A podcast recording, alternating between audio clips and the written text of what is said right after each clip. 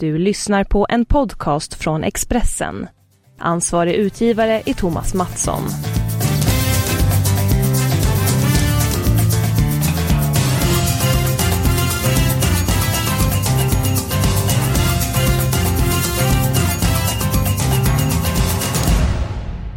Lika snabbt som snapsen åker ner eh, i samband med ett julbord på julafton Nästan lika intensivt är spelschemat i England. Man spelar matcher varannan dag. Sliter hårt på trupperna. Visserligen har man breda trupper i England.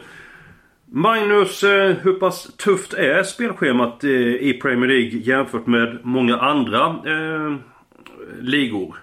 Ja, det är väldigt, eh, det är väldigt krävande. Och att spela nu var tredje, var fjärde dag en, en längre tid. Det är det är eh, tufft och intensivt. Och många vill ju säga att det är därför som eh, engelska landslaget lyckas så dåligt i, eh, i de stora mästerskapen. Därför att jämfört med många andra länder så har man uppehåll i december. Eh, I andra länder medan man kör vidare och man får väldigt mycket slitna spelare i juni varje år. Så att det, är, det har nog kanske kostat, tror en del i alla fall, eh, engelska framgångar i mästerskapen. Men hur mycket sliter det att spela eh, 90 minuter på lördagen och sen så då 90 minuter igen på tisdagen och så kanske då en ny match på lördagen. Alltså tre 90 minuters matcher på åtta dagar. Hur pass, hur pass mycket sliter det på kroppen? Det sliter ganska mycket. Framförallt så visar studier när man spelar tre matcher på 7-8 dagar. Att i den tredje matchen utav dem så klarar man av mycket färre utav de här eh, explosiva höghastighetslöpningarna. Eh, och det är också de, de löpningar som avgör matcher. Så att de lagen som har möjlighet att i den tredje matchen i en tuff period kunna kunna skifta, eh, slänga in några nya spelare eller givetvis då rotera i, i mittenmatchen där för att hålla, hålla så många spelare fräscha. De har väldigt mycket att vinna på det. Ja, eh, om man vänder på frågan. Eh, när presterar en fotbollsspelare som bäst? Om man då säger att de får sig en genomkörare på lördagen. Hur många dagar behöver man för att kroppen ska återhämta sig maximalt? Jag skulle vilja säga att man eh, nog gott och väl eh, mår bra av att spela kanske fyra matcher på tre veckor. Att man spelar en i veckan normalt och sen så var tredje, var fjärde vecka slänga in en, en eh, match mitt i veckan. Det är nog det optimala upplägget för att hålla sig. Då kan man spela alla matcher som spelare. För då får man den här återhämtningen på, på tre, fyra dagar. Men, men framförallt att man får återhämtning på sju dagar i flera tillfällen. Mycket intressant. Eh, ett lag som inte övertygat på sistone är Manchester United. Utslaget efter sent mål mot Bristol City i ligacupen. Därefter 2-2 borta mot Leicester på lilljulafton. Släppte City in ett sent... City United släppte in ett sent mål i den matchen. Eh, I veckan, på annandagen, låg under med hotfulla 0-2 mot Burnley. Men räddade ett mål. Äh, räddade en poäng efter ett mål på eh, tilläggstid.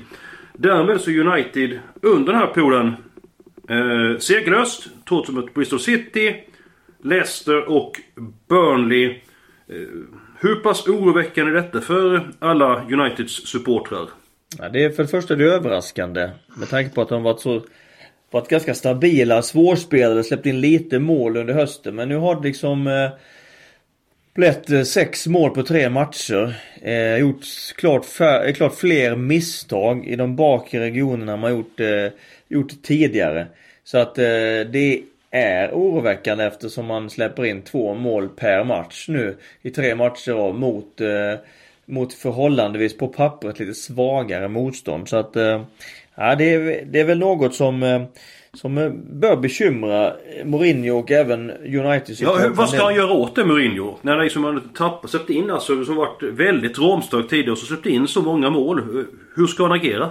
Ja, nu har de haft lite mer, eh, lite mer skador och lite mer frånvaro i de bakre regionerna tidigare. Men, men om vi då knyter an till hur det såg ut eh, förr i United så kan man säga att Tänker du på Sir Alex? Jag tänker på Sir Alex. Eh, för det är väl allt det man tänker på när man säger förr i Manchester United. Och han la ju alltid en stor del av sin, eh, en, en eh, ovanligt stor del jämfört med många andra klubbar på eh, sin budget på att skaffa så bra målvakt som möjligt och så bra mittbackar som möjligt.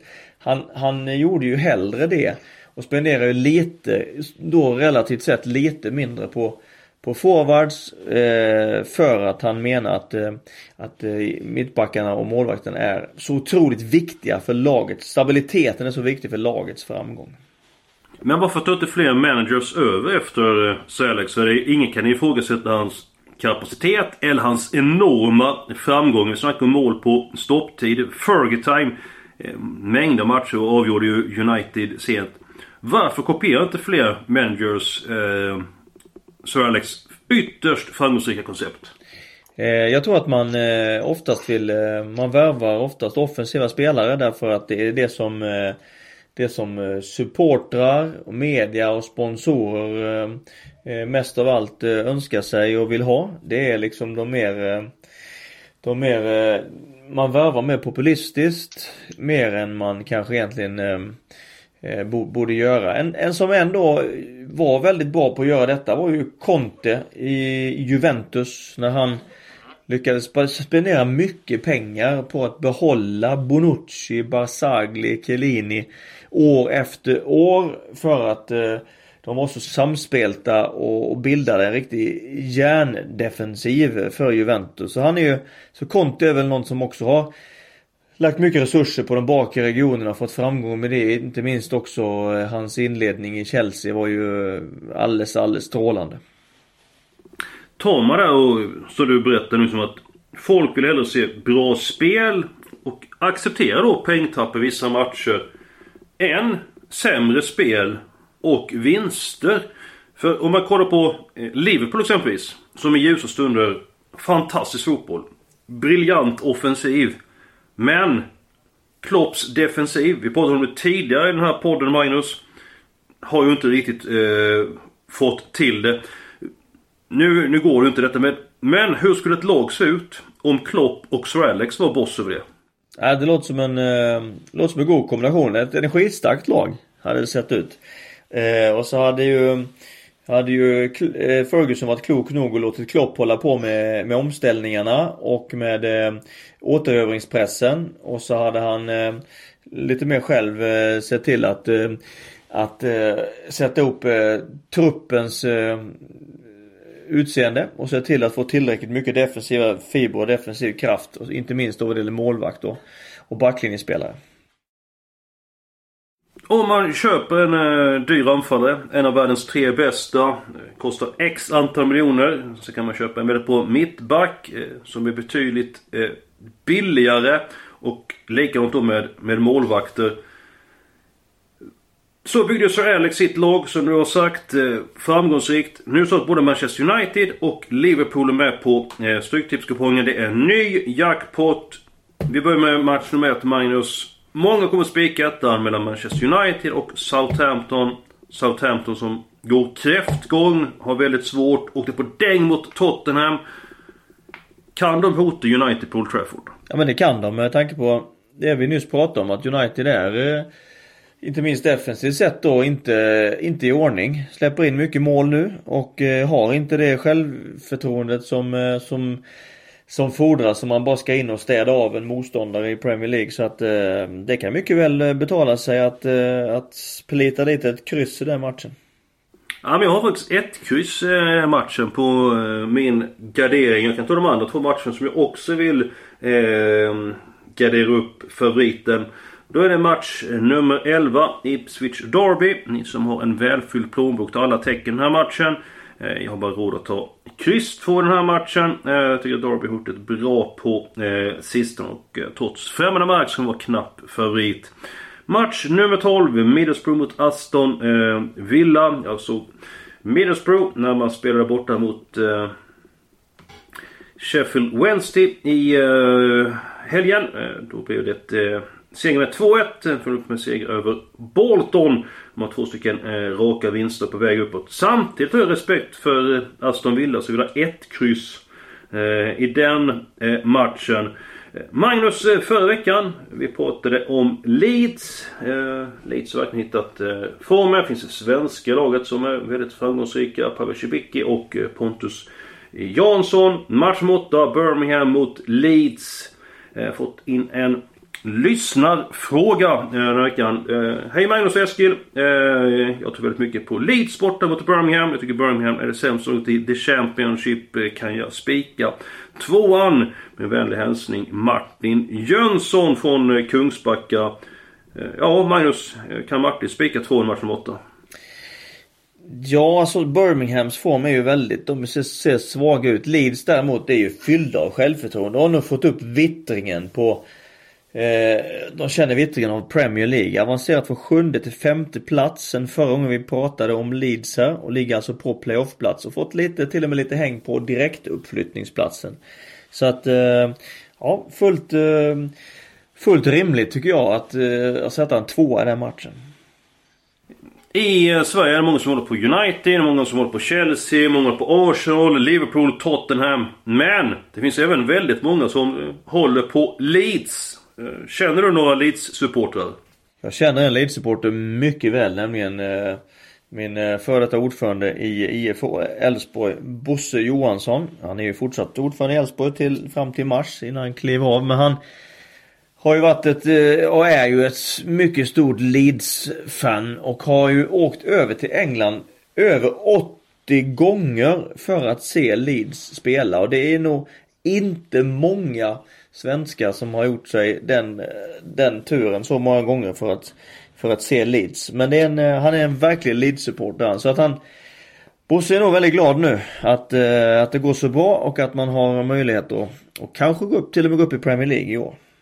Ja, eh, intressant. 80 gånger. Han måste åka över minst 20 gånger till så han kommer upp i 100 då när han är så pass eh, nära. Jag har sett Sandland en handfull gånger. Jag har faktiskt aldrig sett Sandland eh, vinna men å andra sidan så vinner vi inte så ofta.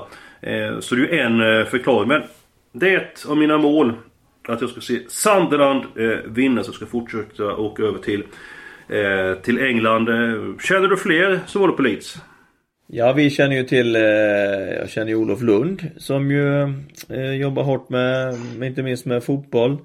Journalist, han håller också på Leeds. Och jag tror att det är många, framförallt i Skåne, som följer Leeds med lite extra intresse. Nu inte bara Olof Lund som är, som är skåning utan utan eh, därför att vi har ju Pontus Jansson som spelar varje match nu som mittback. Och så har vi också Pavel mm. Cibicki som har tagit sig in i laget. Spelar till höger i Thomas eh, Christiansens eh, eh, 4-2-3-1 uppställning. Så att det är tre matcher i följd nu när eh, både Pontus Jansson och Paul Cibicki har, har startat båda två och ju har och dessutom med ett alldeles utmärkt resultat, nämligen tre raka segrar. Vi kan ta en fråga här eh, ifrån Anders Jensen i Stockholm. Eh, ni pratar ofta om olika eh, spelsystem. Är det så väldigt viktigt hur man spelar? Om man spelar 4-4-2 eller 4-2-3-1 eh, och så vidare. Och, ja, du får ta den frågan Magnus. Eh, hur pass viktigt är spelsystemet? Ja, spelsystemet är ju i sig ingenting som vinner några matcher utan det är ju Det är ju givetvis genomförandet av Det finns inget spelsystem som i sig är bättre än något annat. Det finns många olika varianter på spelsystem, formationer som vi säger. Men inget spelsystem är, är bättre än något annat. Utan det är genomförandet, utförandet av det hela. Däremot så kan, kan det ena eller andra spelsystemet passa en spelartrupp bättre eller sämre. Men du har varit manager sedan 2006. Hur har du ofta ställt upp med dina lag? Eh, 2004. 2004, förlåt mig. Startade jag. Du var en SM 2006 så ja, var det. i Allsvenskan. Ja. Eh, och eh, vad var frågan, förlåt? Eh, hur har du ställt upp eh, mestadels under de här många åren som du varit manager? Eh, ditt eh, spelsystem? Jag har mest använt mig av 4-2-3-1 och 4-4-2. Varför då? Ja, det har passat de eh, de trupper som, eh, som jag har förfogat över också. Använt 4-3-3 eh, i viss, viss utsträckning i perioder när det har passat. Jag tycker det har passat truppen bäst. Så att eh, det är lite vad som den truppen och skadeläge och de tillgängliga spelarna vad som passar bäst. Sen kan man inte hålla på och byta hela tiden för det, det måste ju spela chans och möjlighet att lära sig det rörelsemönster och de principerna som finns i varje spelsystem. Mm. Ja, intressant, intressant. Eh, förr i tiden var det att man skulle spela med trebackslinje för att vinna VM-guld och så vidare. Men tiderna förändras. Det är hög tid att vi går på de säkra eh, matcherna. Eh, vi kom överens om att vi skulle gå upp Manchester United, Southampton match nummer ett. Det finns ju ett par väldigt stora favoriter på kupongen. Manchester United är en, men där garderar vi alltså. Men match nummer tre, Chelsea-Stoke. Där spikar jag ettan. Och det gör även i match nummer fem, Liverpool mot Leicester. Jag tar mycket på eh, storlagen.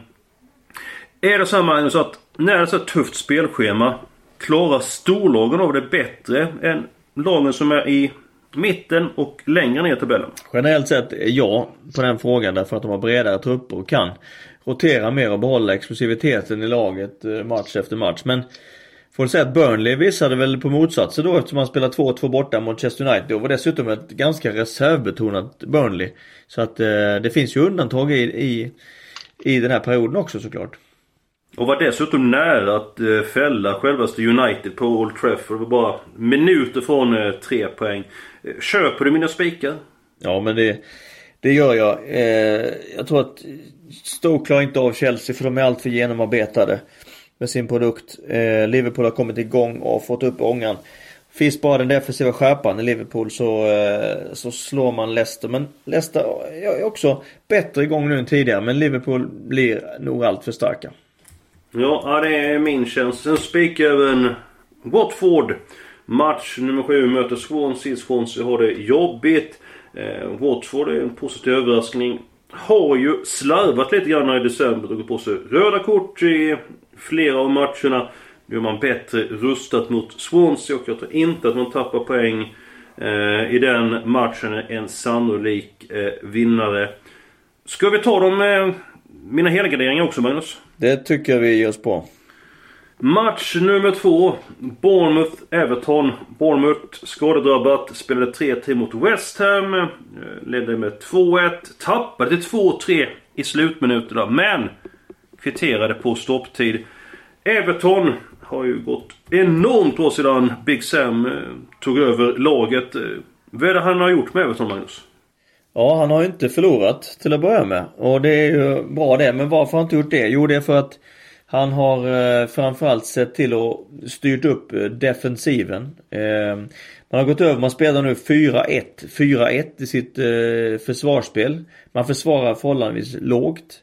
Eh, det finns en väldigt tydlig samhandling i försvarsspelet. Det, det kan, man kan tydligt se att varje spelare vet vad de ska uträtta i försvarsspelet. Det har gjort dem svårspelade och inte minst då Picard i målet har dessutom plus backlinjen har varit väldigt bra i den här perioden. Så att, eh, och sen har man haft det lilla flytet också som man ska ha för att bygga upp en lång svit av, eh, av förlustfria matcher. Och, och det har givetvis också ökat deras självförtroende bra kontringsspel. Däremot det egna spelet, det vill säga spel mot etablerat försvar. Där har man en, en klar svaghet. Där har man inte kommit så långt och det gör att man inte kommer liksom hota toppen. Men man kan i alla fall se till att vara på säker mark resten av året.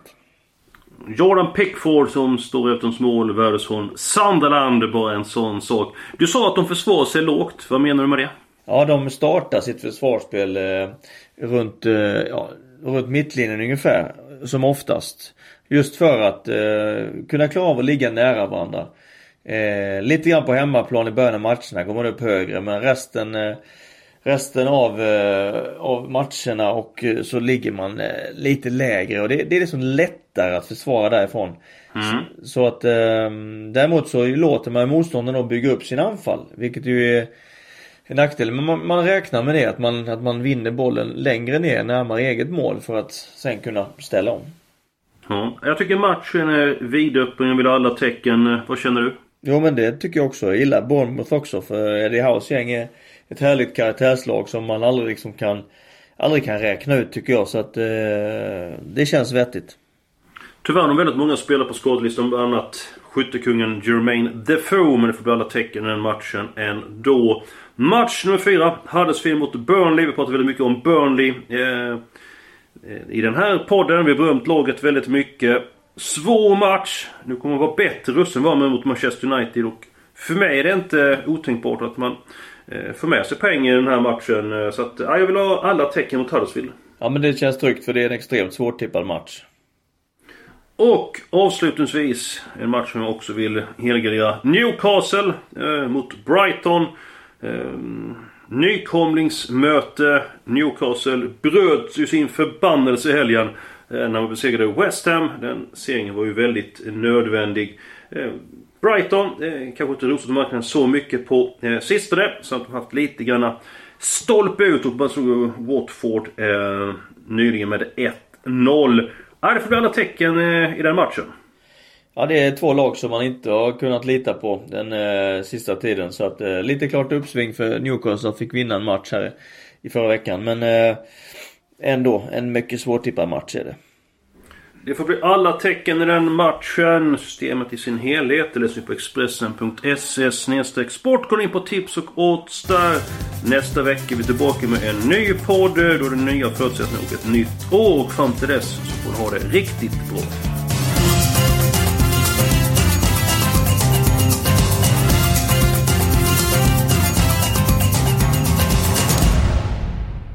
Du har lyssnat på en podcast från Expressen.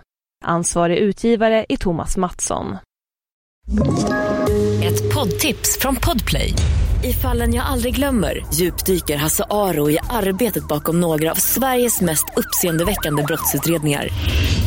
Går vi in med hemlig telefonavlyssning och, och då upplever vi att vi får en total förändring av hans beteende. Vad är det som händer nu? Vem är det som läcker? Och så säger han att jag är kriminell, jag har varit kriminell i hela mitt liv men att mörda ett barn, där går min gräns. Nya säsongen av Fallen jag aldrig glömmer på Podplay.